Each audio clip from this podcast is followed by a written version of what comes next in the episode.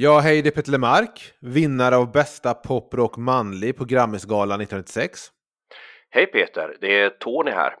Alltså Tony Thorén, din producent tillika grundare av legendariska bandet Eldkvarn. Nej men hej Tony! Du tar dig tid att ringa till Peter Lemark, Sveriges populäraste artist och stilikon. Ja, jag, Tony Thorén, hyllad producent till Ebba Grön, Roffe Wikström bland annat och eh, Peter Lemark-albumet eh, Efter tusen timmar ringer dig för att ställa frågan När är det dags för en ny platta? Vi får se, vi kan väl sikta på att gå in i studion någon gång under 1998. Nu är det så att jag har råkat boka Decibel-studion redan här i april 1997. Vad säger du? Vi, vi, kan ju bara jamma lite, testa några idéer, några små simpla ting. Jag vet inte riktigt om jag är redo att rycka upp ankaret som håller detta skepp i sin hamn. Alltså, mitt uppsåt är ärligt Peter, så sätt en smula lit till mig. Ja, ja men vad fan Tony, en sista gång. Låt det vara du och jag mot världen.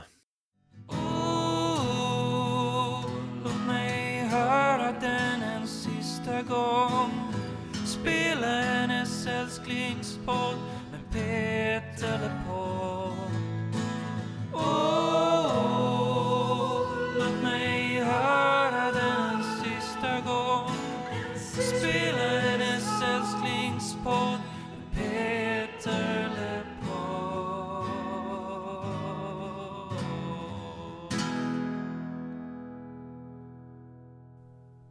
Välkommen hem. Välkommen tillbaka till Peter Lepodd. Eh, jag heter Tony Savela och som vanligt så har jag med mig Ja, här sitter Emil. Hur är det med dig Emil? Ja du Tony, jag känner mig väl lite som en torrlagd klippa som ännu minns havet.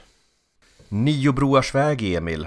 Det här är väl ett album som vi redan från början har både sett fram och pratat om men också kanske varit lite rädda för att ta an. Jag vet inte om det jag kommer att säga nu håller lika väl när jag verkligen har, som du brukar säga, grävt ner fingrarna i jorden som är den här skivan.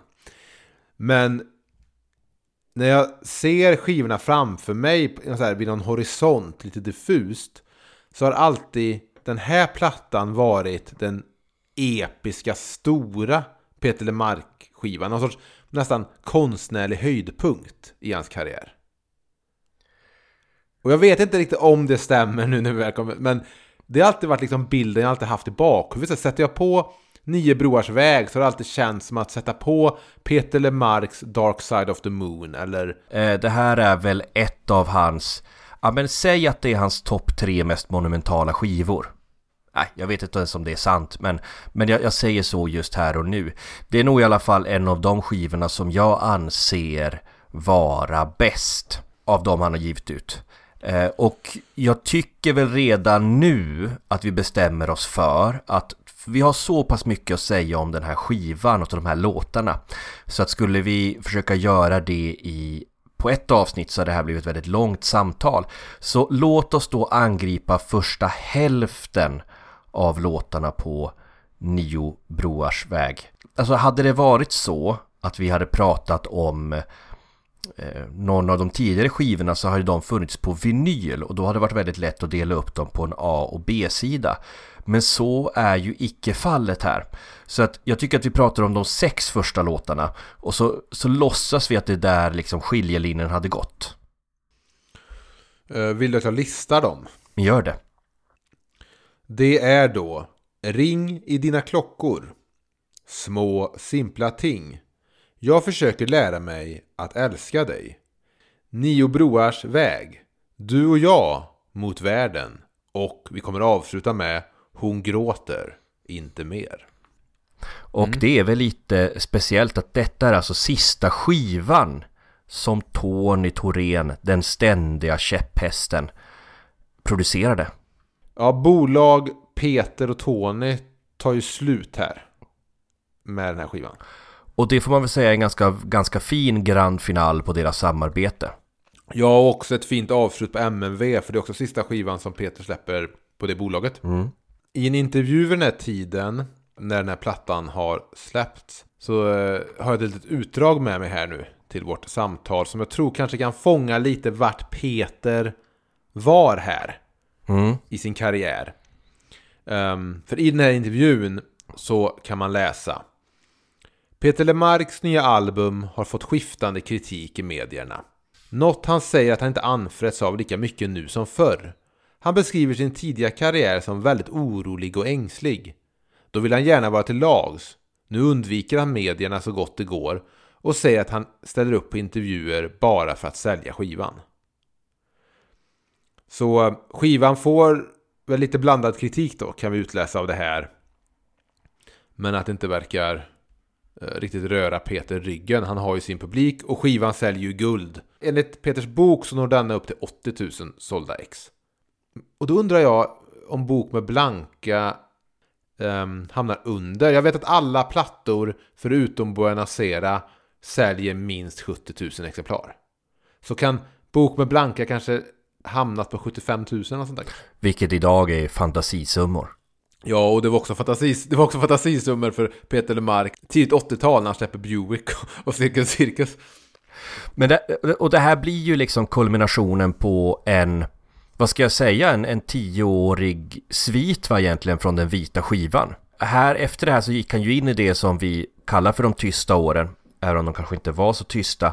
Eh, Men, men det här är ju den sista skivan han gör innan, vad är det, 2002, 2003? Ja, 03 kommer väl... Det som håller oss vid liv. Precis. Och men Vita skivan kom väl, rätt om jag har fel, 87. Den här kommer ut 97. Det är 10 år, eller 11 beroende på hur man räknar, där vi har haft liksom den här något sånär regelbundna takten av, av utgivna skivor. Som sagt, det är sista skivan, skivan på MNV, det är sista skivan med Tony Thorén, det är slutet på en era. Ja, men precis. Det är ju de här M... Det är MNV-epoken där han går från... Uh, där han går från ingenting till att bli en superstjärna. Och sen när, när han kommer tillbaka sen då efter den här tysta perioden så är det väl lite mer som... Jag skulle gissa att det var lite mer legenden återvänder redan 03 där. Även om det bara hade gått sex år. Sen är ju också den här skivan eh, inte heller inspelad i Vaxholms studio utan i Decibel-studion. Eh, vilket var en lite mer eh, hipp och påkostad studio. Jag har ju en åsikt om det, men jag frågar dig Emil, tycker du att det hörs? Alltså när jag beskriver den här skivan som hans episka och konstnärliga höjdpunkt så ingår väl lite soundet i det. Men det är väl för att det kommer in eh, väldigt tydligt blås och sånt som gör att det känns betydligt större på något sätt. Jag tycker den låter lyxig.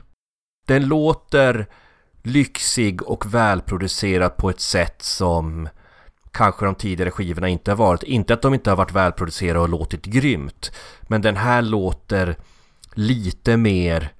Ja men det låter, det låter som att mer pengar har ringlat över den. Ja, men jag tycker, jag tycker, hela, jag tycker hela paketet som är den här skivan andas lyx. Det här, även där omslaget då som är fotat på i, ett parkeringshus på Regeringsgatan i Stockholm. Eh, där han står i någon... Av eh, Kjell Andersson. Ja, det är ett foto när han står i någon snygg skjorta i någon sorts sepia-ton är fotot. Och sen omslaget på den här bookleten är, är glansigt och lyxigt och sen så är det mer strävt, elegant papper i. Jag tycker bara allt andas liksom att det är, det är ett stort album. Mm. Ett, ett viktigt album. Ja, och, och hade det varit så att, att inte innehållet på låtarna hade mött den här kostymen, då hade man ju liksom kanske kunnat börja prata om att, att det var ett misslyckat projekt, att han hade liksom gått vilse i de här, den här lyxigare produktionen.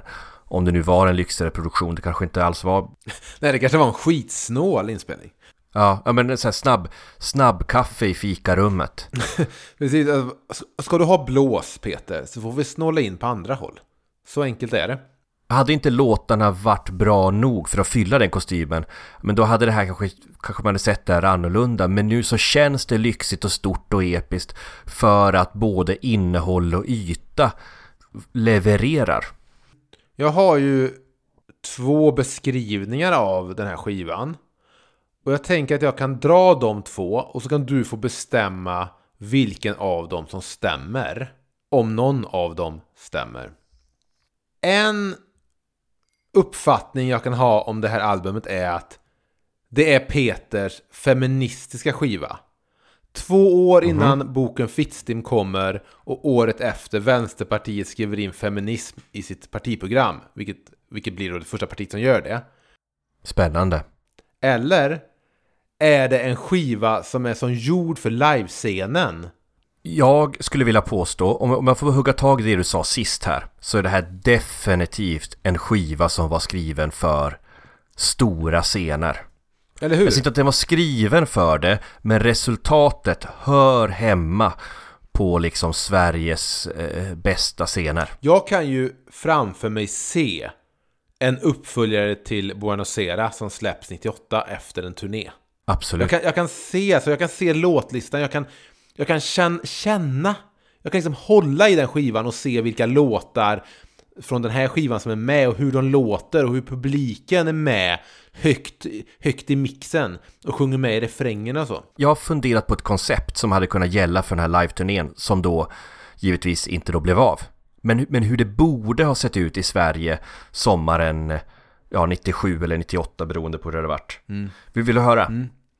Nio broars väg tour eller Nio broars turné, hur man hade velat kalla den. Då hade Peter bokat in sig på utomhusscener som ligger i nio svenska städer med ikoniska broar. Eller till och med vid broarna. Ja, ja, ja. Vid bro, brofästet så att säga. Ja men exakt. Jag var i Stockholm så, jag var på något ställe som hette Växthuset i, i somras. Eh, och, och även om det var en del obehagliga, stela hipsters där, så, så fanns det åtminstone liksom någon sorts scen under en, liksom, under en bro. Och där, med liksom lite modifikation för att släppa in en enorm publikmängd som hade velat komma på den här turnén, så hade jag kunnat se Peter lira. Och jag hade också kunnat se Peter lira på Bananpiren i Göteborg, precis med Göta Älvsbron som fond. Jo, men he hela, hela den turnén måste ju då avslutas eh, i Trollhättan vid Stallbackabron. Som en gång i tiden var Sveriges näst längsta bro. Exakt. Så Stallbackabron är ju det, det givna stoppet. Jag kan liksom nästan se den här t-shirten framför mig som de hade sålt på merchbordet. Med liksom de här broarna i relief, liksom uppradade och Peter som, som du vet promenerar mot, mot kameran så att säga. Jag vet inte vart där vid Stallbackabron, jag gissar att det hade varit parkeringen där. Vid, eh, är det väl Volvo Flygmotor som har den parkeringen vid, vid brofästet där. Där hade det varit en stort jävla gig. Så här, folk vet inte ens, det, du vet, man får ha bussar som fraktar folk från liksom Drottningtorget ut dit. Folkfest på eh, Volvo Flygmotors parkering. Precis, ja men det, det kanske, och om det inte hade, det kanske inte hade bärt sig ekonomiskt att hålla på så, då kanske det hade fått bli, du vet, folkparker och... Det låter lite som i Spinal Tap där de ska ha den här Stonehenge-grejen. Det kanske är lite för mycket gimmick och lite för mycket koncept kanske för... ja, okej. Och det kanske inte hade varit så jävla gött ljud, du vet, ljudklimat när man står under, under någon sån här bru, brusande bro liksom. Nej, men ändå så kanske han kunde haft någon sån här, vet du, Bockarna Bruse-bro som på scenen. där. Du du vet som det var så populärt där början 90-talet, Metallica och Kiss och Iron Maiden hade de här stora jävla figurerna och skit på scen, du vet. Han har någon sån här bro som du vet, halvvägs in rasar och så händer det en massa grejer. Och, och om det är då sommar 98 så kommer det stå då tidig vinter 99. Peter Lemark i personlig konkurs. Slösade alla pengar på att bygga den här enorma bron som skulle rasa i slutet av varje gig. Ja. Tony, har vi nämnt singlarna till albumet? Nej, vilka var, vilka var singlarna? Singlarna var Du och jag mot världen, som också fick en musikvideo i någon sorts dogma-tappning. Nio broars väg. Sen Jag försöker lära mig att älska dig. Men sen kommer det intressanta. För sent 98 då, gissar jag, kommer en, Eh, en singel med Låt de vackra leva och Hud mot hud. Två låtar som inte är med på skivan. när, när eh, Peter själv i sin bok 100 sånger eh, beskriver om uppkomsten av den här skivan så skriver ju han att det här inte var en medvetet skulle bli ett album utan att han började skriva låtar utan egentligen någon mening och mål och sen så liksom hade han en samling låtar och sen så var det väl Tony Thorén som lurade in honom i studion genom att ha, ha bokat lite studiotid där han gick in. Mm. Och min fråga är Emil, tycker du att det märks? Ja, men mitt svar blir, blir ännu en gång att det är väl det som också ger den känslan av att det är en sån episk och stor skiva, kanske att den har ett sånt spektrum. Mm. Det kan vara det. Sen tycker jag det låter underbart i just det hur han beskriver att jag skrev bara det jag kände för, för jag, jag behöver inte koppla ihop låtarna med varandra eller ha koll på vad det är jag skulle göra med dem. Jag bara skrev liksom fantastiska låtar. Det tyckte Mm. jag, det tror jag verkligen har varit till favör för, för albumet. Tror jag verkligen. För, för även om skivan har en väldigt tydlig och egen ljudbild så har låtarna och låtstommarna en ganska bra spridning. Och det finns ju Lemarkska ämnen som man känner igen. Men jag har svårt att hitta ett genomgående tema, en tydlig ramberättelse. Förutom att det liksom kommer nya sidor av, dagbok, av den här dagboken som är följetongen Peters liv. Och jag håller med dig att det, det är fantastiskt hur väl det funkar, hur den här spretigheten i sig skapar en identitet. Och det är kanske någonstans där det gör, som gör det lätt att argumentera för att det här är ett av Peters bästa album. Eh, och, och crescendo på det här 90-talet han haft. Det, det, det finns någon blogg, um, jag kommer inte på vad den heter, den heter Albumpojken, albumlistan. Men det var, det var någon blogg som listade de 100 bästa svenska albumen. Uh, det var en rolig lista att bara liksom titta igenom, för jag kan inte ens komma på 100 svenska album om jag var tvungen. Men då i alla fall så placerar han, om jag minns rätt, den här skivan på nummer 5. Över de bästa svenska skivorna genom tiderna. Mm. Så det, det säger väl någonting. Men, men även om, om det är så, så pass så att säga, spretigt innehåll på låtarna som sagt så ljudmässigt tycker jag den här hör väldigt bra ihop. Eh, även ett, de mer galnare spåren som vi kanske hittar i nästa avsnitt tycker jag liksom hör hemma identiteten på den här skivan soundmässigt. Eh, och jag skulle väl till och med kunna säga att det här är Peters ultimata soul-album. Det, det som kan vara till nackdel för den här skivan kanske jämfört med de tidiga 80-talsskivorna är kanske att den låter så proffsig, stor och lite lyxig att skitigheten som man Mm. kunde hitta i eh, det vita albumet och i eh, Närmare gränsen det har ju lite försvunnit bort. Det är väldigt proffsigt. Även soulen är ju väldigt proffsig. Men, men så vill jag ändå tycka att musik lät den här perioden andra halvan av 90-talet. Att det var någonting som var lite cleant, lite gitarren kopplad rakt in i mixerbordet. Ja, och sen tror jag väl också att budgetarna måste ha ökat under 90-talet för album för att slutet av 90-talet var väl CDns peak väl också i försäljning precis innan Napster kommer och bara du vet skar bort allting. Men så jag gissar att den här skivan säkert hade en högre budget än vad bok med Blanka hade haft. Ja men och precis. det bara var något generellt så att MNV liksom hängde med vad de andra bolagen gjorde och alla fick Mm. bara mer och mer pengar. Ska vi ge oss in på själva låtarna? Ska vi göra det Tony? Jag tycker att det ska bli spännande faktiskt att höra vad du tycker om de här låtarna. Jo men samma här, samma här. Och det finns en grej jag väntar på att du ska droppa in i den här diskussionen. Som många av våra lyssnare spetsade öronen och sa, vänta, följer de inte upp på det där? Och det är det här med att det ska vara Peter Lemarks feministiska album. Som någon som, som eh, tror på feministisk teori och eh, gärna vill vårda den så vill jag gärna höra dina tankar om det. Men jag tycker, vi, jag, tycker jag tror att vi kan eh, få in det när vi väl pratar om de specifika låtarna. Mm.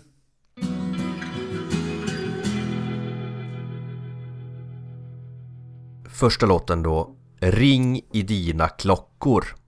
Vad säger du Emil? Ja, vi kan börja med vad Peter själv säger. Eh, För han skriver i sin bok att han vill göra en låt som andas lite Evert Taubes Så länge skutan kan gå. Du har rätt att vara ledsen och bedrövad. Du ska leva ut din sorg. Men fastna för allt i världen, inte i den för alltid. bli för fan inte bitter. Jag ber om ursäkt för svordomen men eh, Peter väljer att använda den svordomen fan i sin bok. Och då citerar Mm. jag korrekt där. Ja, det här är ju en... Det är en låt som jag tycker är en fantastisk hyllning på något sätt till livet. Men man är lite rädd i refrängen att Vänta nu, är det på väg att bli lite Kai Pollak, den här pingstkyrke? Välj Hyll- glädjen. Ja, är hyllningen till livet där det bara så här, okej vi ska inte prata om det som är dåligt i livet. Du vet, som alla pingstvännsfamiljer i Trollhättan, hur de var när man växte upp. Allt var glädje och fejkade leenden. Det, det, är en balansgång och jag tycker att den här låten faller på rätt sida av det för det bara är en sån jävla positiv kraft i den. Eh, och en låt här då som står på kvinnans sida. Eh, med tanke på feminismen. Det finns lite Kai Pollakst i den då. Jag, jag bara full disclosure här att när jag skrev mina anteckningar till de två första låtarna på den här skivan så gjorde jag det eh, nu i slutet av min Stockholmsvistelse då jag satt i en produktionslägenhet efter en lång dag och hade tagit ett par glas vin och med det här liksom härliga vinet i kroppen så, så kan jag ha liksom tagit i lite grann och blivit Kai Pollak där i min liksom salongsberusade glädje. Ja, när du ringde i dina klockor och blåste din trumpet. Exakt. Och då, och då, har jag, då, har jag, då har jag skrivit så här. Snyggt producerad rock för medelålders män. Det är musik för oss. Och jag skriver oss för att du och jag, Emil, snart är där.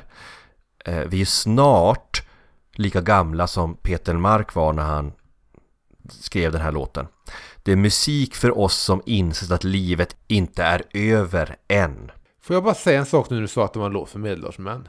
Varför tolkar jag det här som att han sjunger till en kvinna? Och det tycker jag är lite intressant för att jag gör ju tolkningen, eller jag har skrivit en fråga här. Är det en av de låtar där Peter sjunger om ett du som egentligen är jag? Så är nog fallet, men jag tror jag har en tendens att koppla ihop den här lite till en låt som heter Hon gråter inte mer, vi kommer att prata om sen. Att, att det är något tema att han att han har haft kvinnor i sin närhet som han har skrivit om och för. Som du vet, han, han försöker på något sätt hjälpa med sina låtar på den här plattan. Så visst, det här, Ja. det här är inte en låt som är riktad till... I trappan står snoriga, såriga ungar, du sitter där ensam med trumfulla minnen. Det, det handlar ändå om kvinnor, för att det är en ensamstående kvinna där det handlar om, tror jag. I och för sig, sitta ensam behöver inte vara liksom att man rent faktiskt sitter ensam heller. Han skriver här, du är inget helgon, ingen martyr, du är bara en människa om en vilsen och yr. Du finns inte för andra, du finns för dig. Så låt ditt liv bli ditt eget och säg aldrig nej. Men på vilket sätt tänker du att den här eh, handlar om kvinnor? Nej men det är nog just, alltså när första versen startar med I natt krälar ormar ur rösen och dungar I trappan så snoriga, såriga ungar Du sitter där ensam i ett rum fullt av minnen Men någon dag måste du öppna upp dina sinnen Alltså jag har nog sett det som att någon som har Någon som är ensam med snoriga, såriga ungar är en ensamstående mamma Jag har nog sett alltså, när den här skivan spelades på Torngatan i Skogshöjden i mitt barndomshem så var det mamma som spelade den och hon gick runt i någon sorts ensamhet och dammsög. Eller diskade, eller du vet, kom hem från jobbet precis, eller sku, skulle bli tvingad att åka och jobba och vi var fyra ungar som hon tog hand om eh, i princip ensam. Och då tänker du att eh, för kvinnor som din mamma så var den här låten som ett, inte som ett slag i magen men som en, en tröstande famn. Jag trodde nog att Peter med antennerna ute hade på något sätt connectat med min mamma. Från Stockholm och Bagarmossen, eller om han skrev den i Österlen möjligtvis den här låten, där han skrev många av låtarna till plattan. Att han kände av vad som pågick där i- i mitt barndomshem med Skogshöjden. Och den här såklart stressen och det jobbiga i att eh, vara ensamstående med fyra ungar. Och så, han, ja, så jag, jag har nog alltid trott att på något sätt det här handlar om min mor tror jag. Det är nog därför jag Ja. tolkar det till en låt riktad till en kvinna och riktad till kvinnor att så här. Men jag har Ja, en jag fråga fattar. till dig. Du läste ju lite därifrån om det är andra versen. Och jag vill bara fråga, hur är Peter här? Vill jag bara fråga, när han sjunger Vill du ha gråterskor som går vid en sida så att alla kan se hur mycket se hur mycket du kan lida.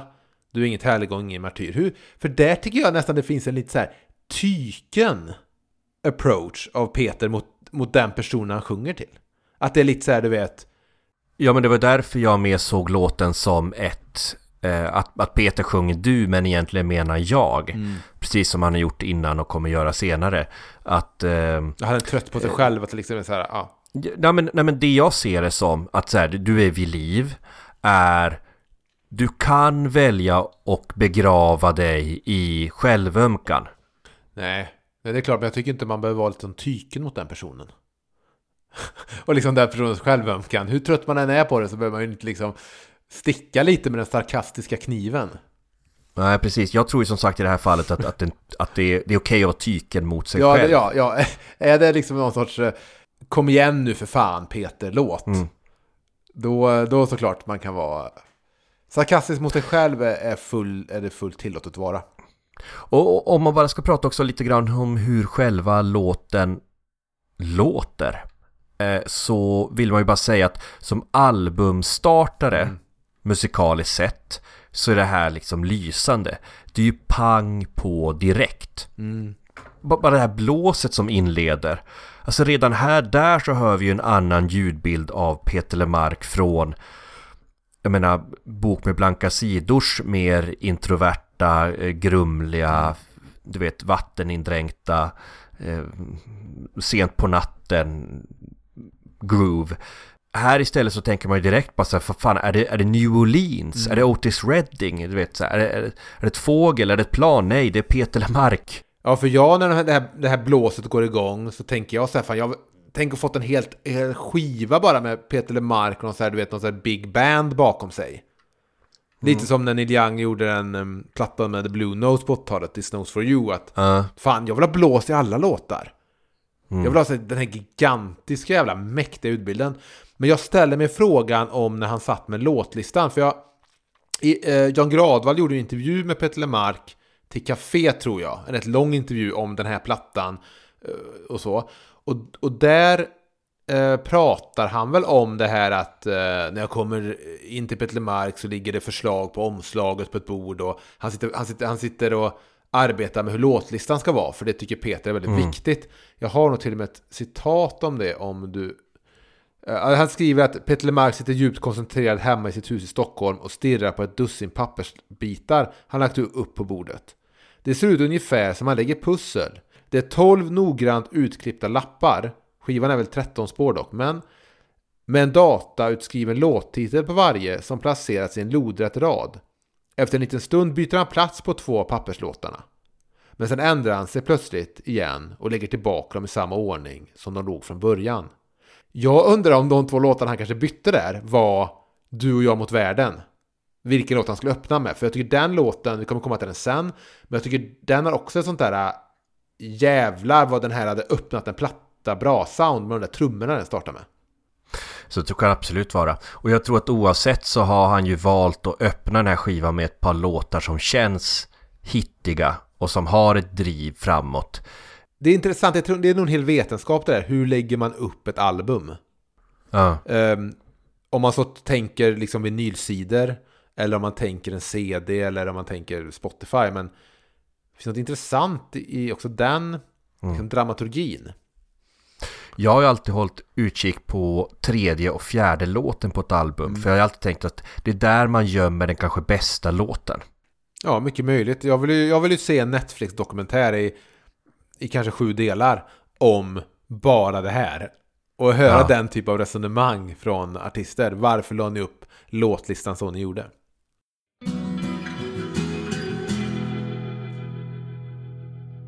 Ja, då kommer vi till en låt som heter Inte för mycket begärt. Eller det stämmer inte riktigt Tony, den heter Små simpla ting, men när den togs in i studion för att spelas in så hette den nog fortfarande Inte för mycket begärt, men ändrades i studion. Och små simpla ting kanske har en lite mer, har en bättre klang. Ja, och det är väl en av de här Peter här, positiva, glada bagatelllåtar. De här Det ska vara gött att leva-låtarna. Så Vrå världen, Lyckliga ögon, Lycklig idiot, Ett av de sett. Alltså lite enklare låtarna. De här, ja men jag, jag, har, jag har tänkt på det där också att det är de här liksom eh, Det är där liksom Peters roll som eh, stugromantiker Eller kanske nationalskald eh, Kommer in Ehm, Och det här, det här stugromantiska i Ge oss sen mat för dagen och en sup varje helg. Tårar att gråta skratt varje kväll. Och visst går de raderna att översätta till engelska balladen Moonshine Blues De här raderna. Mm. Give me food when I'm hum- hungry Drink when I'm dry. Men Peter gör liksom något så här Vilhelm Mobergskt Eller Evert Tobiskt eh, Med det här mat för dagen och en sup varje helg.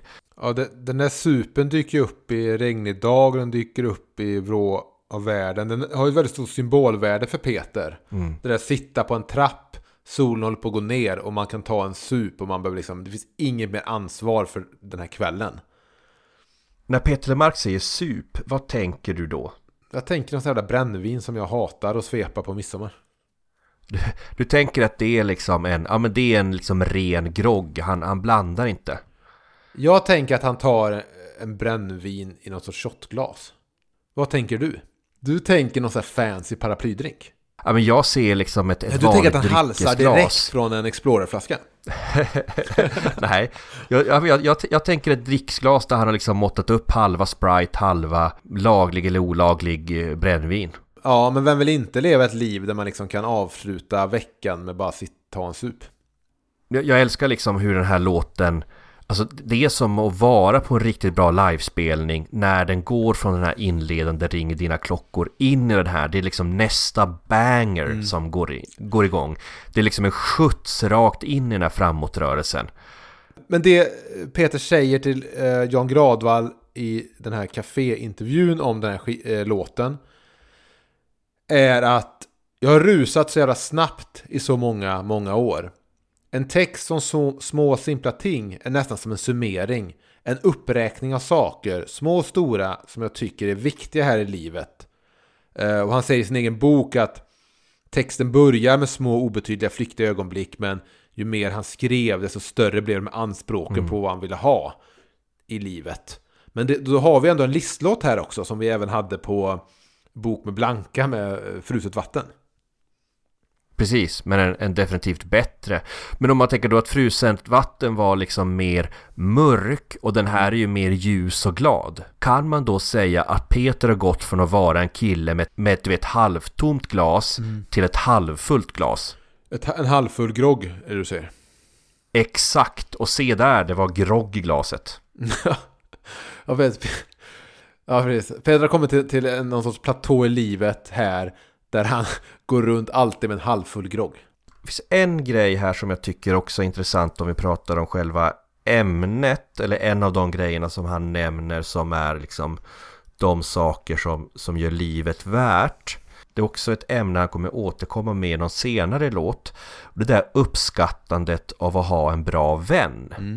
Han sjunger då Ge mig en god gammal vän jag kan lita på som är beredd att lyssna som ringer då och då helt utan orsak bara för att fråga hur jag mår. Och där snuddar han faktiskt vid ett ämne som, som jag tycker är väldigt intressant och det är det här med att många män, och nu är det återigen medelålders män jag pratar om, saknar, en, eh, saknar vänner. Det är ofta problemet också att jag tror många män eh, vänner skalas bort och så hamnar man upp med sin kvinna.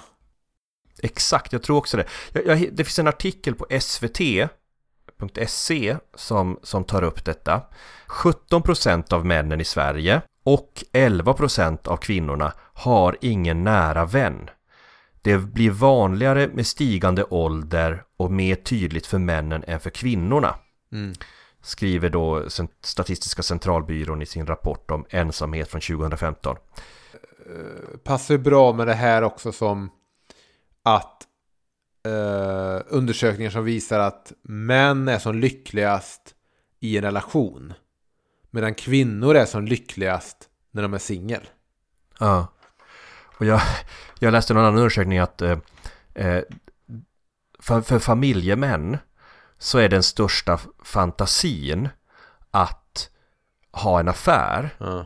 och den största fantasin som, som kvinnor som har familj har är att de fantiserar om att ha en egen bostad. ja, det säger väl allt. Nej men så att det, jag tycker det är fint här när, när Peter faktiskt lyfter det som många män inte vågar prata om. Värdet av en god vän och ringa och prata av sig med.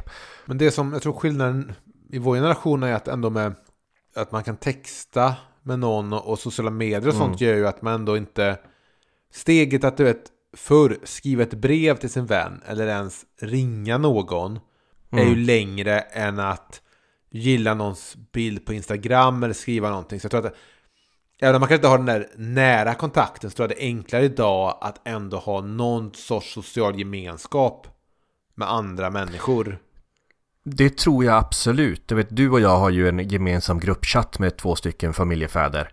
Och där har ju vi väldigt mycket kontakt och även om det mest snackas Luleå hockey eller hårdrock eller Kiss sådär. Så, så är det ju någon sorts kontakt man uppehåller och ofta så liksom glider du in de här diskussionerna om, om livets villkor. Men jag kan också undra ibland om det är inte samma sak som att faktiskt ringa någon och fråga ja men hur mår du egentligen?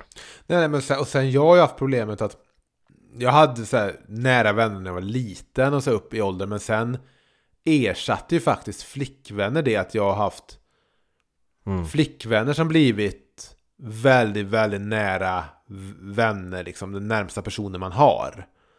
Till skillnad från vissa man känner där det mer är så här, okej du har din flickvän men men, du, okej, men det är inte din bästa vän utan det får du ändå ut av andra människor i din närhet, du vet. Så det, Men jag har ju haft det där, du vet, den, den där extremt täta tvåsamheten i de relationer jag har haft. Vilket är såklart lite farligt. För att man då, ja jag ska åka och se Pearl Jam i Berlin. Ja då behöver inte jag ringa och fråga eh, en bror eller dig eller någon annan. För då vet jag att jag kan, jag kan åka med min flickvän som ändå sitter en meter ifrån mig. Det är ju det farliga lite att, att eh, har man det väldigt, väldigt bra med den man är med och är med 24-7 så blir det svårare och kanske ofta känns mer onödigt att, att hålla liv i det utanför det. Ja, och även om man har det väldigt, väldigt bra, som jag ändå skulle vilja påstå att jag har det med min eh, partner och sambo. Skulle du säga att du har det Så- bättre i din tvåsamhet än vad jag har i min ensamhet? för, för, jag, jag hoppas du har det bra också Emil. Alltså, det kommer ju ändå fortfarande finnas tillfällen när man måste prata av sig om relationen. För om den enda man har att prata av sig med är en person, jag menar, då kan du inte prata om den personen med, med någon annan. Men det är intressant för jag, jag pratade med en tjejkompis som Hon pratade om hur mycket hon och hennes systrar och vänner pratade om sex och sånt. Och jag sa så här, men jag har aldrig riktigt pratat om som priva, privat om sex med mina killkompisar. Och det kan ju vara en följd av att min närmsta vän har varit min flickvän. Vi, vi kanske ska gå vidare och jag, kan tycka att det här ämnet också går igång på nästa låt nu när vi börjar prata relationer. Eh, för spår nummer tre här så kommer väl en av de låtarna som, som eh, hamnar, på, hamnar på exempelvis på klassiker på, på Greatest Hits-skivorna. Eh, tredje låten, Jag försöker lära mig att älska dig. Och nu är det väl Southern Soul här Tony, är det inte det? Peter själv hänvisar ju själv till Otis Clay, en fin artist. Eh, och hans låt Trying to live my life without you som är en väldigt fin bit. Det är ju en, en soul-stänkare även detta. Precis, han pratar även om att han blandar in lite Al Green. Och han nämner ju det här High Records, skivbolaget i Memphis. Till 70-talet, Precis. blåsarrangemang, basgången. Ja, det mesta fanns i mitt huvud när jag skrev. Eh, Jag försöker lära mig älska dig. Så allt var liksom fanns där när jag gick in i studion. Men då det här High Records som han nämner kan jag bara då säga till våra lyssnare som inte är så bevandrade i soulen alltså är lika, har samma okunskap som jag har. Eh, det var, eller möjligtvis är, ett soul och rockabilly-skivbolag som grundades i Memphis 1957. Bolaget var som mest framgångsrikt vid början av 70-talet, mycket tack vare Al Green. Bolagets popularitet minskade när diskon kom och för många då ersatte soulmusiken. Alltså vill, vill man höra, skulle jag säga, riktigt bra soul om vi inte börjar prata om liksom den allra bästa soulen så skulle jag vilja rekommendera Al Greens två skivor från 72, eh, Let's Stay Together och uh, I'm Still In Love With You. Bättre än så blir det knappast. Men om vi då bara ska citera Peter här om den här låten. Mm. Så säger han att texten beskriver en frustration och vanmakt över att inte alltid kunna förstå eller tyda sin livskamrat. Inte ens efter en långvarig och djup relation. Som soul-traditionen bjuder höll jag en rätt macho-attityd. För sen i, i, i sin beskrivning av den här låten i sin bok så skriver han att um, han citerar då första textraden i låten. Här kommer tårarna gråt, gråt, gråt. Och så skriver han att en kvinnas bästa vapen är argumentationer orden tryter är tårarna. Allt enligt sydstatssoulens hävd, självklart. För att lyckas omvandla detta till bagarmossen fick utgången bli en annan. Mitt uppsåt är ärligt, så sätt en smula lit till mig. En tröstande mm. famn, en verklig strävan efter att försöka förstå. Men vi kommer aldrig närmare än bara nästan nära, som han också nämner i låten. Det intressanta här nu med att han här säger då 97 att vi kommer aldrig närmare än bara nästan nära. Han skulle ju sen på sin, sin senaste album, Den, den tråden, eh, sjunga om att vara närmare än nära. Så där har ju Peter mm. gjort en resa från 97 till 2016. Det får man säga. Jag tycker att den här resan pågår ju här. Det, det här är ju en, alltså en fortsättning på berättelsen om det långvariga förhållandet. Det här är ju mm. liksom en, det går ju en rak linje från vägen och början på en lång historia till sången de spelar till den här låten och till vidare sen till en annan låt som vi snart kommer att prata om. Jag har ju sett det som något fint det här jag försöker lära mig och älska dig. Då har väl jag missförstått det. Att inte det är liksom man försöker lära sig att älska någon utan att man lär sig hur man älskar någon. Att det är en livslång lektion. Jag tycker det är, jag tycker det är något väldigt fint i det. Det är väl så jag tolkat det alltså att mm. precis han sjunger jag försöker lära mig att älska dig men jag har nog alltid kopplat det som jag försöker lära mig hur att älska dig att nu har vi gått på mm. ännu en mina så hur ska jag ta med det i min kärlek och för framtiden hur ska jag du vet jag har inte hört någon frustration alls i det här jag har sett det som glädjen att ta sig an projektet jag vet inte om jag ser det jag vet inte om jag ser låten eller det finns ju, vi behöver nämna att det finns två versioner av låten. Att det finns albumversionen. Men sen finns det ju den här äh, betydligt så snabbare och mer dansanta Oogie Oogie-remixen eller vad den heter. Som en hemsk remixversion. Mycket möjligt. Det jag stämmer på mest är att, att han låter så otroligt uppspeedad. Mm. Det är väl det, men äh, den har ju en musikvideo. För den, och den minns jag, alltså jag, jag minns den videon från ZTV, så den måste ha rullat där. Det är, det är musikvideo på en, på en dansande tjej i en bröllopsklänning. Och det var tydligen ett studentprojekt som köptes in av skivbolaget och som inte spelades in för, för liksom låtens skull. Utan det var liksom ett helt, rent skivbolagsprojekt. Ja, det låter som att det är något som gjort vid sidan av Peter. Det är så här, okej Peter, lansera den här skivan och dig så hur du vill. Men vi kommer ha ett parallellt spår här där vi ska mm. försöka göra dig till en kung av nattklubbarna. Ja, och eh, jag misstänker att Peter inte haft så mycket alls att göra med den där remixversionen för den är, ja, den är bedrövlig alltså. Den går ju emot liksom det mesta mm. de har försökt åstadkomma med det soundet på den här skivan. Jo, men sen tycker ja men när jag lyssnar på båda så jag hör vad du säger, men jag tycker samtidigt att samma liksom gung finns ju på något sätt även i albumversionen, bara att den går lite långsammare. Men sen du säger att den är en väldigt positiv låt. Jag jag känner väl också, eller ser det som att den har grunden i det positiva. Men liksom värdet i ändå kämpandet. För att jag tror att den pratar mycket som jag sa liksom om, om minorna, om problemet, om att nu ja. bråkar vi igen. Jag förstår inte alls, alltså nu, nu har vi ingen kommunikation. Nu har vi, alltså förstår man att, att mm. en relation är ju liksom att lösa ett jävla pussel. Och försöka hitta bitarna och försöka liksom okej, okay, nu går vi vidare från det här och så har vi med oss lite mer information om varandra och lite mer kunskap om hur vi båda fungerar. Men vi vet ju om att det kommer dyka upp någonting nytt oförutsett och ännu ett bråk, ännu mera gråt. Det, det finns en eh, textrad här jag, jag eh, har värmt mig till återigen om jag, om jag får dra in min egen relation i detta. Den här raden. Jag trodde det var länge sedan vi genomskådade varann. Men det är bara du som kan uttala mitt namn. Den här sista raden, det är bara du som kan uttala mitt namn. I och med att jag är eh, finskättlad, precis som min partner, så är det ju bara hon som faktiskt uttalar mitt namn rätt. Och som vet att hon, hon kan göra det.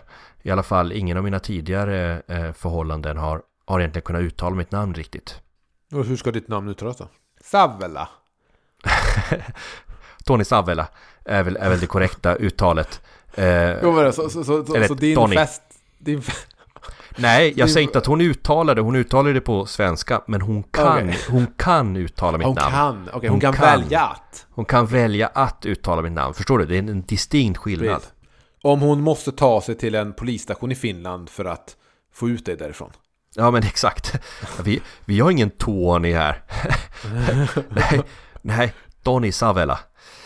Ja, Ja. ja. Ja, jag har ju levt ett liv där mitt efternamn alltid har uttalats fel, stavats fel. Det har alltid varit svårt i telefon Mm. eh, att säga sitt efternamn och här. Så ibland har jag bara kört Gustafsson för att det har varit enklare. Ja. Så, men jag vet inte riktigt om jag har haft... Jag tror inte jag har varit med om att jag haft någon i mitt liv så nära då som du har din fästmö som inte har kunnat uttala det. det så, där har vi inte varit. Jag förstår. Stark melodi på den här låten, jag vill bara säga det. Eh, Jag kommer tänka på en grej som Thomas Andersson Vi pratade om. Han, att det här med att eh, Peter var en kille som lät melodin komma i första hand. Men om jag tolkade honom rätt, att, att eftersom han är så stark textförfattare så, så tänker man inte på det. Och melodin här är ju urstark, men ändå känns texten så självklar och inte som att han försöker tränga ner den i ett tajt versmått. Förstår du vad jag menar? Den känns lite lös och ledig. Ja, och att han kan liksom sjunga de här sakerna som mitt uppsåt är ärligt så sätt en smula lit till mig, tro mina ord, eller i alla fall det jag ger till dig. Att det låter ju verkligen som att han har skrivit det först och sen bara haft tur att det är en melodi som, som du vet det här fastnar i. Men det förstår man att det måste varit ett jävla liksom trixande för att få liksom Ja, ja. allt att låta så självklart.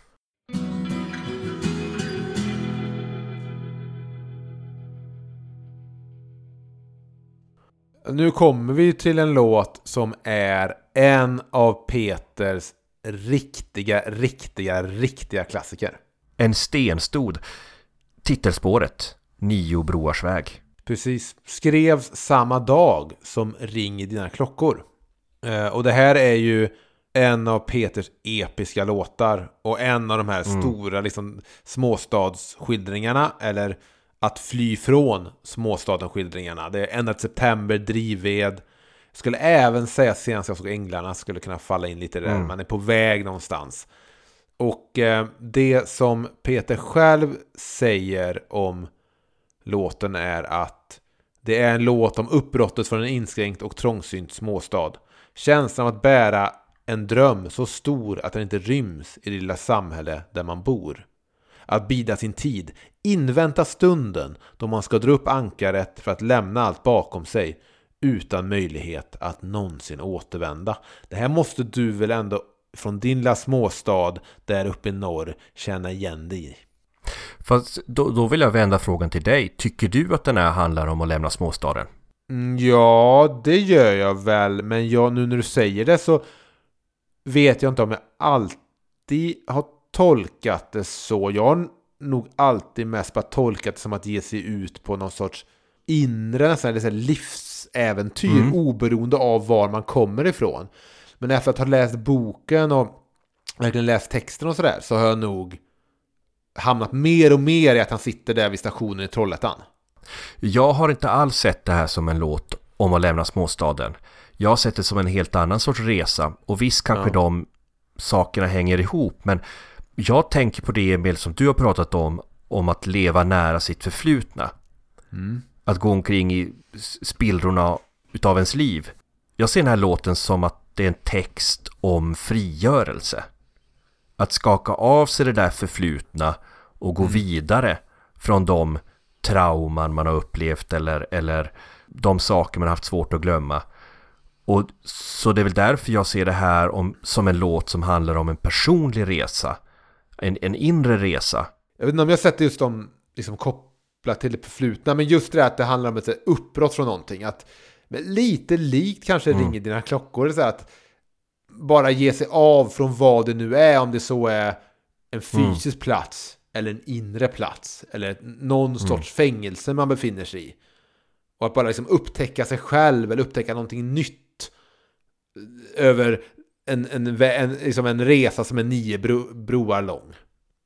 Ja men precis. Och, och han har ju alla de här metaforerna om att resa, lätta ankar, åka ut i världen. Men egentligen så sjunger ju han om att själv som person lämna det förgångna och börja leva för nuet. Ringer dina klockor som du säger. Och det är ju på så sätt en uppmaning till handling. I sista versen då så sjunger han jag tänker inte vänta på min räddning som en strandsatt på en ö. Jag tänker inte gå här färglös, kanske suddas ut och sen dö. Jag ska söka något värt att söka efter, någonting som är jag. Jag ska lämna sarkofagen där min tvilling är begravd. För övrigt låtens bästa textrad, jag ska lämna sarkofagen där min tvilling är begravd. Så jag bränner alla kartor jag har, de gäller inte mer. Bara de jag ritar själv, bara det mina ögon ser. En dag ska jag rycka upp ankaret. Och det jag tycker är spännande här, om vi pratar om den här, allt det här han ska göra, och nästan lite skrämmande är då att han sjunger inte att han har, utan att han ska. Och hade vi pratat om det, att det här var en ren småstadsskildring, då hade man ju vetat att han kommer lämna staden. Precis som i Little Willie John eller, eh, eller i, i Jag ska gå hel ur det här. Men om man pratar om det som att det handlar om en, en personlig resa och ta steget och våga leva i nuet och lämna det förflutna bakom sig och liksom poängtera att han sjunger att han ska så kan man ju också tolka det som att det kanske inte kommer att ske. En dag ska jag rycka upp ankaret. Jo, en dag ska jag göra det där och det där och då jävlar ska ni se. Men kanske inte idag. Och det där kan jag skrämmas lite av angående mig själv. Du vet alla de här den här dagen om man ska liksom skriva färdigt den där romanen eller börja skriva på det där manuset och den här dagen man ska börja liksom träna mindre sporadiskt och en dag man ska ta itu med sina liksom personliga demoner och rädslor. Och allt det där, och, och rädslan är väl att man ska skjuta upp det där till en dag då det är för sent och man inte längre kan ringa i sina klockor. Du vet, om man knappt pallar ta spårvagnen över en bro, du vet, istället för att promenera över samtliga nio. Förstår du vad jag menar? Att, att det finns, eh, om man, om man väljer att se den här låten, att den inte handlar om Peter eller den här låtskrivaren i sin ungdom, utan i sitt nu. Då kanske, eh, då kanske det här går från att vara liksom en, en låt om upplyftning till, till en låt om en ambition eller en dröm som kanske inte kommer gå i uppfyllelse. Jo, men det är klart om det liksom handlar om bara att få kraften att liksom göra någon sorts inre resa eller bara lämna någonting, göra någonting som du säger. Um, visst, men om det är så att det här är en, en Trollhätteskildring och han pratar om sig själv som ung i Trollhättan. Och hur han kände att jag måste ifrån den här tryckande småstaden. Då är det ju en låt som befinner sig i Little Willie John-universumet. Innan han träffar den här kvinnan som säger du måste ge dig av härifrån för alla här liksom eh, dör. Eh, inombords som ett annat. Och då är ju den här eh, Kungsgatan som han kör ner och sen kör han tillbaka på lika fort. Det är ju när han åker till bilfabriken på morgonen och åker hem på kvällen. Du vet. Så på något sätt så ser jag att det att detta kan vara en prolog innan han träffar kvinnan i Little Will John. Eh, men en fråga till dig. Varför Peter använder just nio broar och nio broars väg? Vad är din teori där? Vad tror du, vad tror du, varför tror du Peter använder just det uttrycket? Han skriver ju själv att eh, han fick låttiteln från Steve Youngs låt eh, Seven Bridges Road. En låt som även vet eh, Eagles har spelat in. Ja, jag, hade bara, jag trodde det var en Eagles-låt. Jag trodde det var en av deras låtar. Jag har bara sett det som en, en metafor för liksom en rejäl strapats går nio vägars bro. Nio broars väg. Mm. Mm, för på frågan när Peter får den så svarar han Det kändes gott i munnen. Simple as that. och så kan det vara. Får jag snacka lite grann om hur den låter också? Ja, om du verkligen måste så får vi väl även göra det då. Det är ju en jävla soulballad det här va? Eller soul-låt eller vad fan man ska säga, soulballad. Och du pratade ju om att det här var en av de här liksom stora Peter Lemark-låtarna.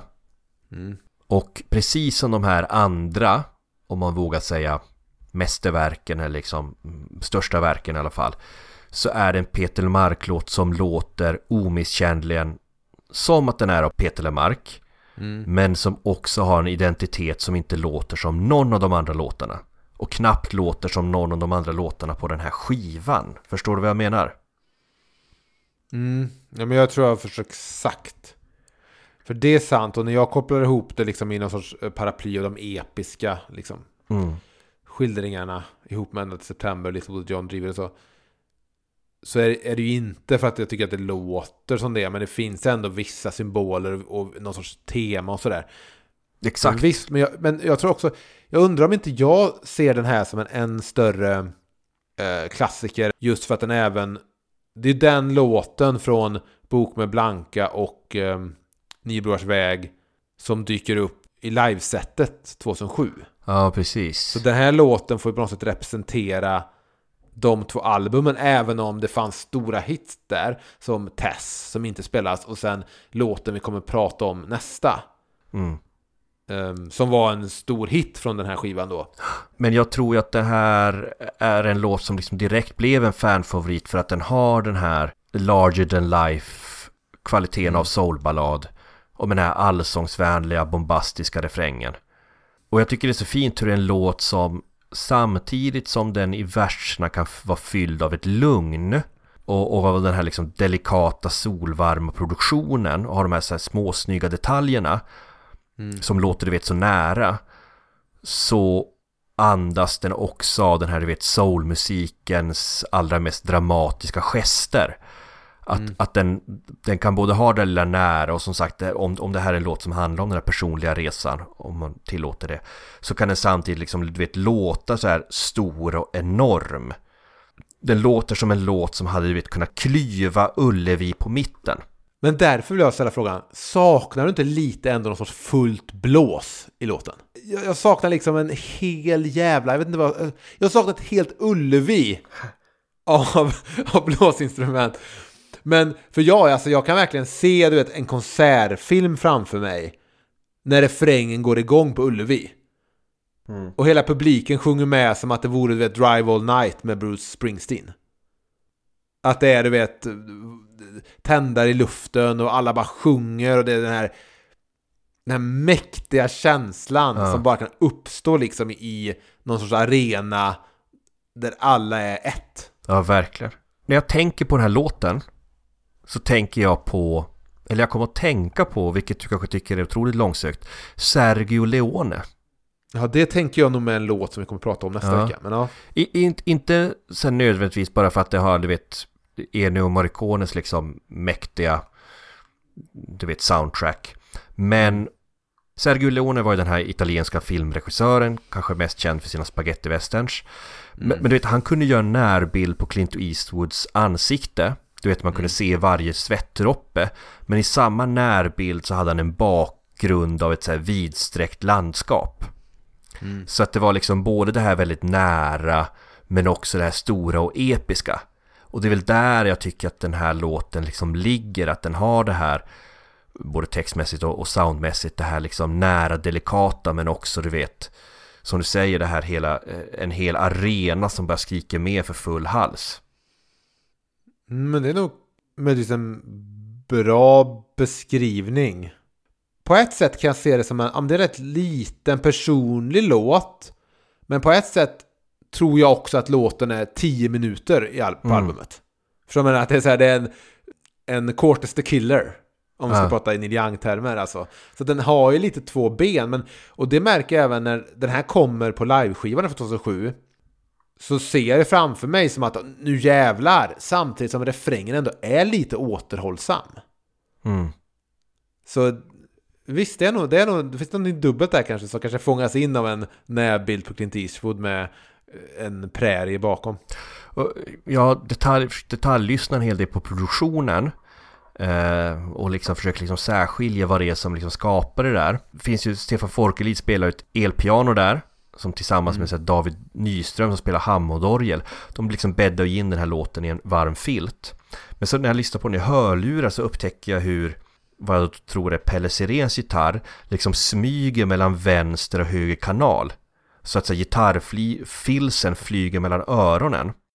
Så här, något som du vet hade kunnat bli lite jippoartat men bara så här, låter så här snyggt och det skapar den här känslan av liksom vågor att det liksom mm. händer saker runt omkring en och att man liksom sitter i ett rum där de spelar Tror du Peter föredrar mono eller stereopressarna av Beatles-skivorna? Han föredrar ju monopressarna Helt klart. Ja, inget nytänk tillåts. Nej, men jag har förstått att äkta Beatles-fans gör det.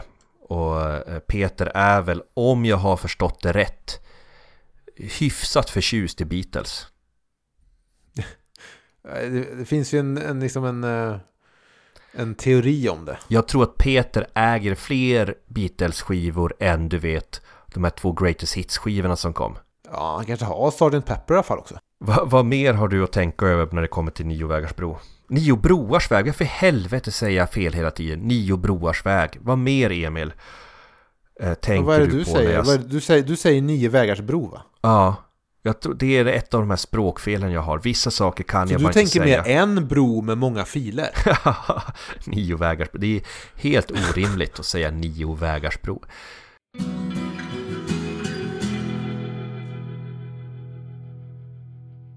Du och jag mot världen. Som Peter själv säger, en liten romantisk kampsång. Eh, han säger också att Du och jag mot världen är släkt med sången de spelar i filmen Slut. Det är en sorts variant av The Ballad of John and Yoko. En rapport, en hyfsat bokstavtrogen berättelse om relation och de påfrestningar den utstått. Och jag ser det lite som att om sången och spelar filmen Slut, låten då är Kiss Rock'n'Roll All Night. Så är detta lite Kiss låt Tomorrow and Tonight som var någon sorts uppföljare till den låten, eller försök att göra den låten igen. Men det jag tycker skiljer lite den här och sången de spelar är att sången de spelar är någon sorts objektiv berättelse. Han kom som en virvelvind förklädd till en storm till henne. Den berättas utifrån. Den här låten låter som att den är skriven och sjungen till Monica. Och det är en redo, mer en eh, jag och du redogörelse och inte dem. Det är ju som en fortsättning på det här, det här långvariga förhållandet. Och det är ju som att någon av de här låtarna från vita skivan eller, eller sånger har byggts ut med liksom några extra verser. Det är liksom ett nytt kapitel i den här svenska hjärtan-berättelsen. Um, mm, precis, det är lite som att om sången de spelar berättar en historia från så här träffades vi um, och det här var den lyckliga fasen och sen blev det lite jobbigt för ungarna i den här lägenheten. Så berättas den kanske mer som man följde med i någon sorts realtid. Medan här så är det någon som blickar tillbaka lite. Och berättar att så här. Ja, så här har det varit. Eh, så lite, lite mer eh, backspegelskänsla. Men det som jag tycker är intressant är någonting han säger i en, i en intervju med DN när albumet precis har släppts. Um, för då, då, säger han att jag, jag hade tänkt mig sången innan jag började skriva den som en jättefräsk. Tio minuter lång och episk. Sen blev den så här, en popsång. Och det var ju en stor hit. Men här igen, om vi pratar live, jag ser framför mig den här sommarturnén 98 då. Att den här hade ju varit utbyggd till 10 minuter. Det hade varit mm. gitarrsolon, där det, kanske inte trumsolo, men kanske också ett trumsolo. Men jag tror verkligen att det hade, att, att, att hade kunnat byggas ut och blivit mer episk än vad den är. För det här känns också lite som en låt som är så här, hur lång är den? Åtta minuter eller? Nej, den var bara tre och uh, någonting. De här trummorna som bara slänger oss in i låten, är inte det lite ikoniskt ändå. Mm, en lyssnare beskrev det ju som eh, Sportspegeln-trummor. ja, just det. Men sen kommer och de här klassiska in, inledningsraderna som vi har nämnt tidigare och som vi har sagt borde liksom stå på en plakett på Drottningtorget i, i Trollhättan. Pojken och flickan på Drottningtorget ser de kysser varann. Fan har, eh, hur många låtar i Sverige har börjat så, så litterärt eh, fulländade? Mm, det är ju verkligen ett eh, starkt anslag. Och jag, jag, kan nästan, och de passar också så perfekt i melodin att jag blir alltid lite besviken på de andra verserna. För att även om det är bra med Som fångade fåglar i två rum och kök på 40 kvadrat så mm. är det aldrig lika bra som pojken och flickan på Drottningtorget. Jag ser dem kyssa varandra. Nej, men vi måste ju i sången och spelaranda ta oss förbi kärleksfasen och den här det som mm. händer. Och sen så måste vi komma till just eh, sången och spelande filmen är slut. Vi måste lämna biosalongen lite. Och då ja. kommer vi ju dit igen då till den här lägenheten, blöjbarnen, äh, nätterna man inte får sova och det. Intrampad Sempermat. Vad, hur tror du Semper kände när det här blev en stor hit? Tror han på något sätt försökte rida lite på Peter Lemark på något sätt? Mest poetiska beskrivningen de har fått någonsin tror jag. jag vet, ingen copywriter på någon reklambyrå de har haft att göra med har ju någonsin kunnat eh, berätta om Sempermat på det sättet. Ja. Eh, men om, om pojken och flickan sitter på Drottningtorget och de kysser varann, som jag har gjort när jag var tonåring, man promenerade hem med sin flickvän då från Nisse, gymnasiet. Eh, satt och väntade på buss 670, möjligtvis buss 601. Och så åkte man mot Norra Älvsborgs länssjukhus och gick av i Skogshöjden. För du pratade om en sak i avsnittet om sången de spelar, den plattan. Eh, när han kommer som en virvelvind förklädd till en storm till en busshållplats där de väntat så många gånger förr. Då sa du att jag ser framför mig att det är att de kommer till Drottningtorget. Jag har ju alltid sett den busshållplatsen som mer en, en busshållplats vid en landsväg för någon sån landsortsbuss. Att det är bara de två där och att det är så här, han kanske kommer från en fest och är lite så här, och de måste ta bussen hem till stan tillsammans eller något sånt där. Men om, om vi säger att din bild är korrekt, är att även den busshållplatsen är Drottningtorget, då är ju det första mötet med de här två karaktärerna, pojken och flickan. Det här är ju en, mm. två veckor senare då. Så det är inte att de, låt, de här låtarna är lite parallella, de fyller ju i pusselbitar fast för samma berättelse på något sätt. 91 så visste vi inte om att det var sempermat mm. de hade hemma. Men det liksom fylls i nu, eller du vet, vi, vi fylls i att det finns en syster också. Och systern varnar lite att, att eh, ni två kommer inte hålla. Ja men det blir som att, att eh, det är fint att återbesöka de här scenerna och liksom brodera ut dem med nya detaljer. Precis, jag skulle kunna dra en referens nu till spelet Pokémon, men jag kommer inte göra det. Men precis, vi får liksom två, två liksom perspektiv. Och det, Ja, det finns någonting lite, lite snyggt i det. Jag skulle nästan vilja lägga båda texterna bredvid varandra. Och bara försöka bygga upp mm. historien för mig själv. Så här. Men vad vet vi nu om det här? Vad, vilken fakta sitter vi på här? Eh, på tal om fakta, vi har försökt gräva lite huruvida den här låten har framförts mm. live. Vi, vi, vet ju nu att en snutt ska ha framförts akustisk i radio av samma den här lyssnaren, heter han Mikael? eh, som hade då önskat den i en akustisk version utan det här som han kallade sportspegel-introt.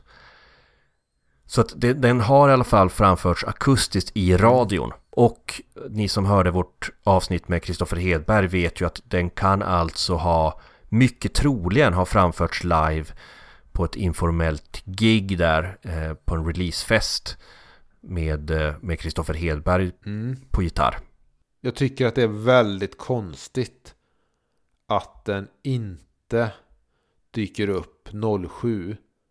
Eller om den inte dyker upp 07. Mm. Att den inte då dyker upp på det som då skulle bli den sista spelningen. Ja. Det är som det är. Det är bara någonting som för mig är lite konstigt. Men jag undrar om det har att göra med det här, den här Stina Dabrowski-incidenten som Peter berättade om att han fick en började svettas ymnigt då när han, när han skulle framföra en singback i tv. Och det var en uppspeedad version som gjorde att han hade svårt att hitta eh, tonarten. Om den incidenten kan ha gjort att han har försökt undvika att framföra den live, att han, mm. han eh, blivit, blivit skottskadad av den. Att han är ja, skotträdd. Men eh, ja, jag tror det är lite att dra lite stora växlar på det. Absolut, men vad, vad är det vi gör på Lepod om förutom att dra i för stora växlar? Jag tror väl att antingen så har den bara fallit liksom undan för andra låtar. Av, det har bara blivit så. Alternativt så är det kanske inte en låt som Peter... Peter kanske känner typ att ja, men sången de spelar tar ut den här. Lite som att Kiss övergav Tomorrow and Tonight. De körde väl den på Love Gun-turnén och kanske någon turné till, jag vet inte. Men sen var det ändå Rock'n'Roll All Night. Som är låten som liksom levde som slutlåt eh, på deras konserter. En textrad, för jag tog ner texten från nätet. Ehm, och så såg jag det här med, fan vilket idiotmisstag. Vem har suttit här på fyllan och skrivit, eh, lagt in texten på någon sån här eh, sajt?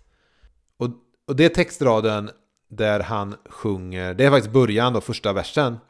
Där satt vi hand i hand, tätt tryckta mot varann. Vi märkte inte ens hur septemberskogen brann. Där var jag så här, det där är ju fel.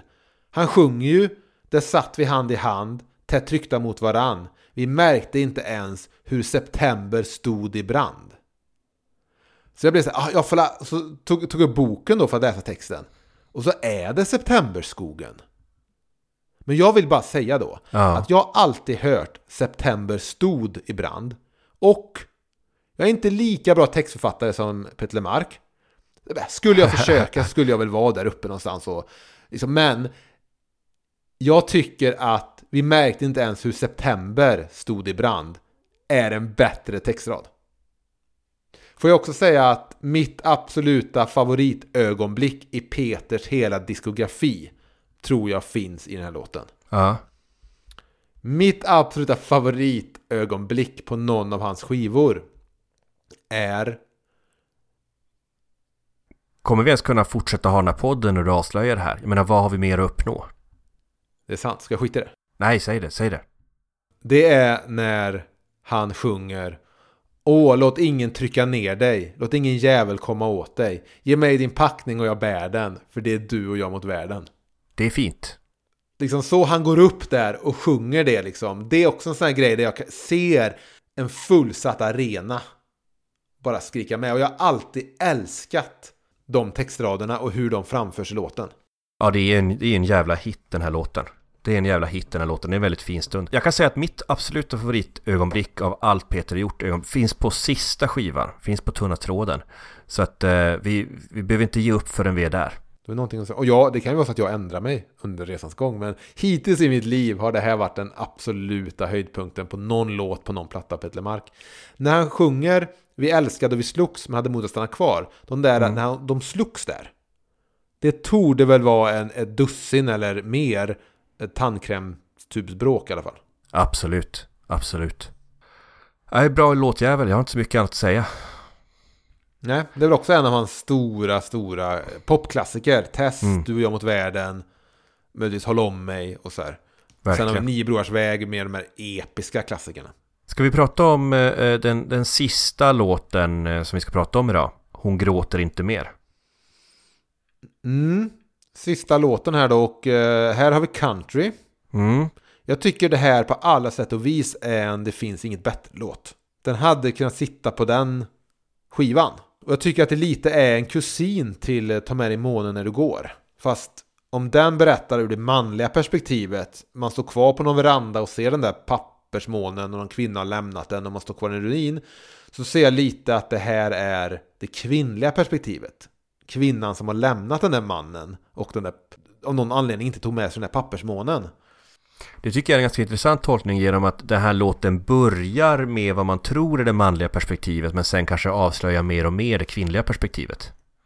Men visst, Mm. det finns ju någonting där av den här ehm, manliga aningslösheten. Den här mannen som inte, som tror att han egentligen har varit en bra man men som med tiden här i låten avslöjas vara eh, ett svin. Som har liksom förorsakat trauma hos henne. Det blir lite enkelt att prata om manligt och kvinnligt för Peter skriver ju också om det här att när han skrev låten då så tänkte han på det märkliga förhållandet mellan män och kvinnor då. Att det nästan alltid är mannen som inte inser vad det är som händer. Inte riktigt kan uppfatta och förstå relationens utveckling och förlopp. Och jag kan väl säga att det kanske är lite mer universellt men att det finns ju någonting i det där att ehm, man... En relation kan redan vara slut innan man själv insett Mm. det. Det är klart man varit med om saker i ens liv där man är så här, men vi hade det ju bra och så, och så den andra parten kanske är, men eh, alltså det var bra, det, var, det har inte varit bra på fyra månader. Fast här har det tagits till en extrem och det är ganska intressant att han väljer att berätta den här historien. Han skriver väl själv att, att det är en blandning av någon, någonting han läste i en sån här hjärtespalt i Aftonbladet och minnen av något par som var ytligt bekanta i det, det förgångna. Eh, Men att man får ju höra det här perspektivet av den här mannen som inte fattat att upp, uppbrottet kommer.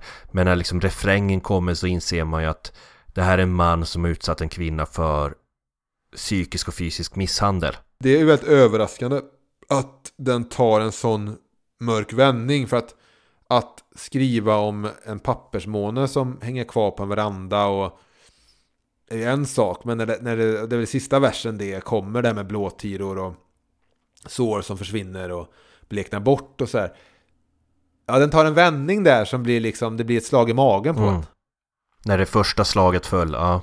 Är det här, Emil, du hör det feministiska albumet? Ja, men det, jag har skrivit här att, ehm, att då, då den här låten är skrivet från ett kvinnligt perspektiv och jag, jag tror att det är en låt som får kvinnliga lyssnare att känna att fan, någon ser mig, Peter står på min sida. Mm.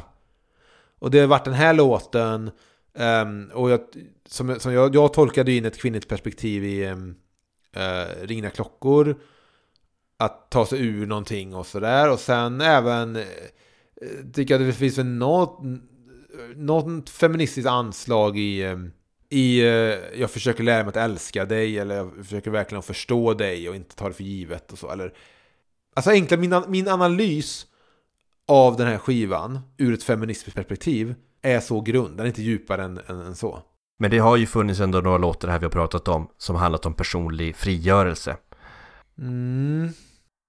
Var vi, var vi klara med de sex första låtarna här? Ja, det har blivit en diskussion här då om eh, Mm. första halvan av skivan Nio broars väg, eller om man så vill Nio vägars bro. Precis. Så på den här dubbelvinylen då av Nio broars väg tagit oss igenom A och B-sidan. Och nästa vecka då så ska vi prata om sida C och D, alltså på LP2 som inleds då med brudbuketten. Mm. På tal om Sergio Leone, Tony. Då tycker jag, Emil, att vi gör som så att vi kör den här vanliga svadan vi brukar göra i slutet på varje avsnitt. Hur gör man för att komma i kontakt med oss på sociala medier? Var beger man sig? Man kan bege sig till Twitter om man vill, Facebook eller Instagram och där finns vi under Peter Lepodd.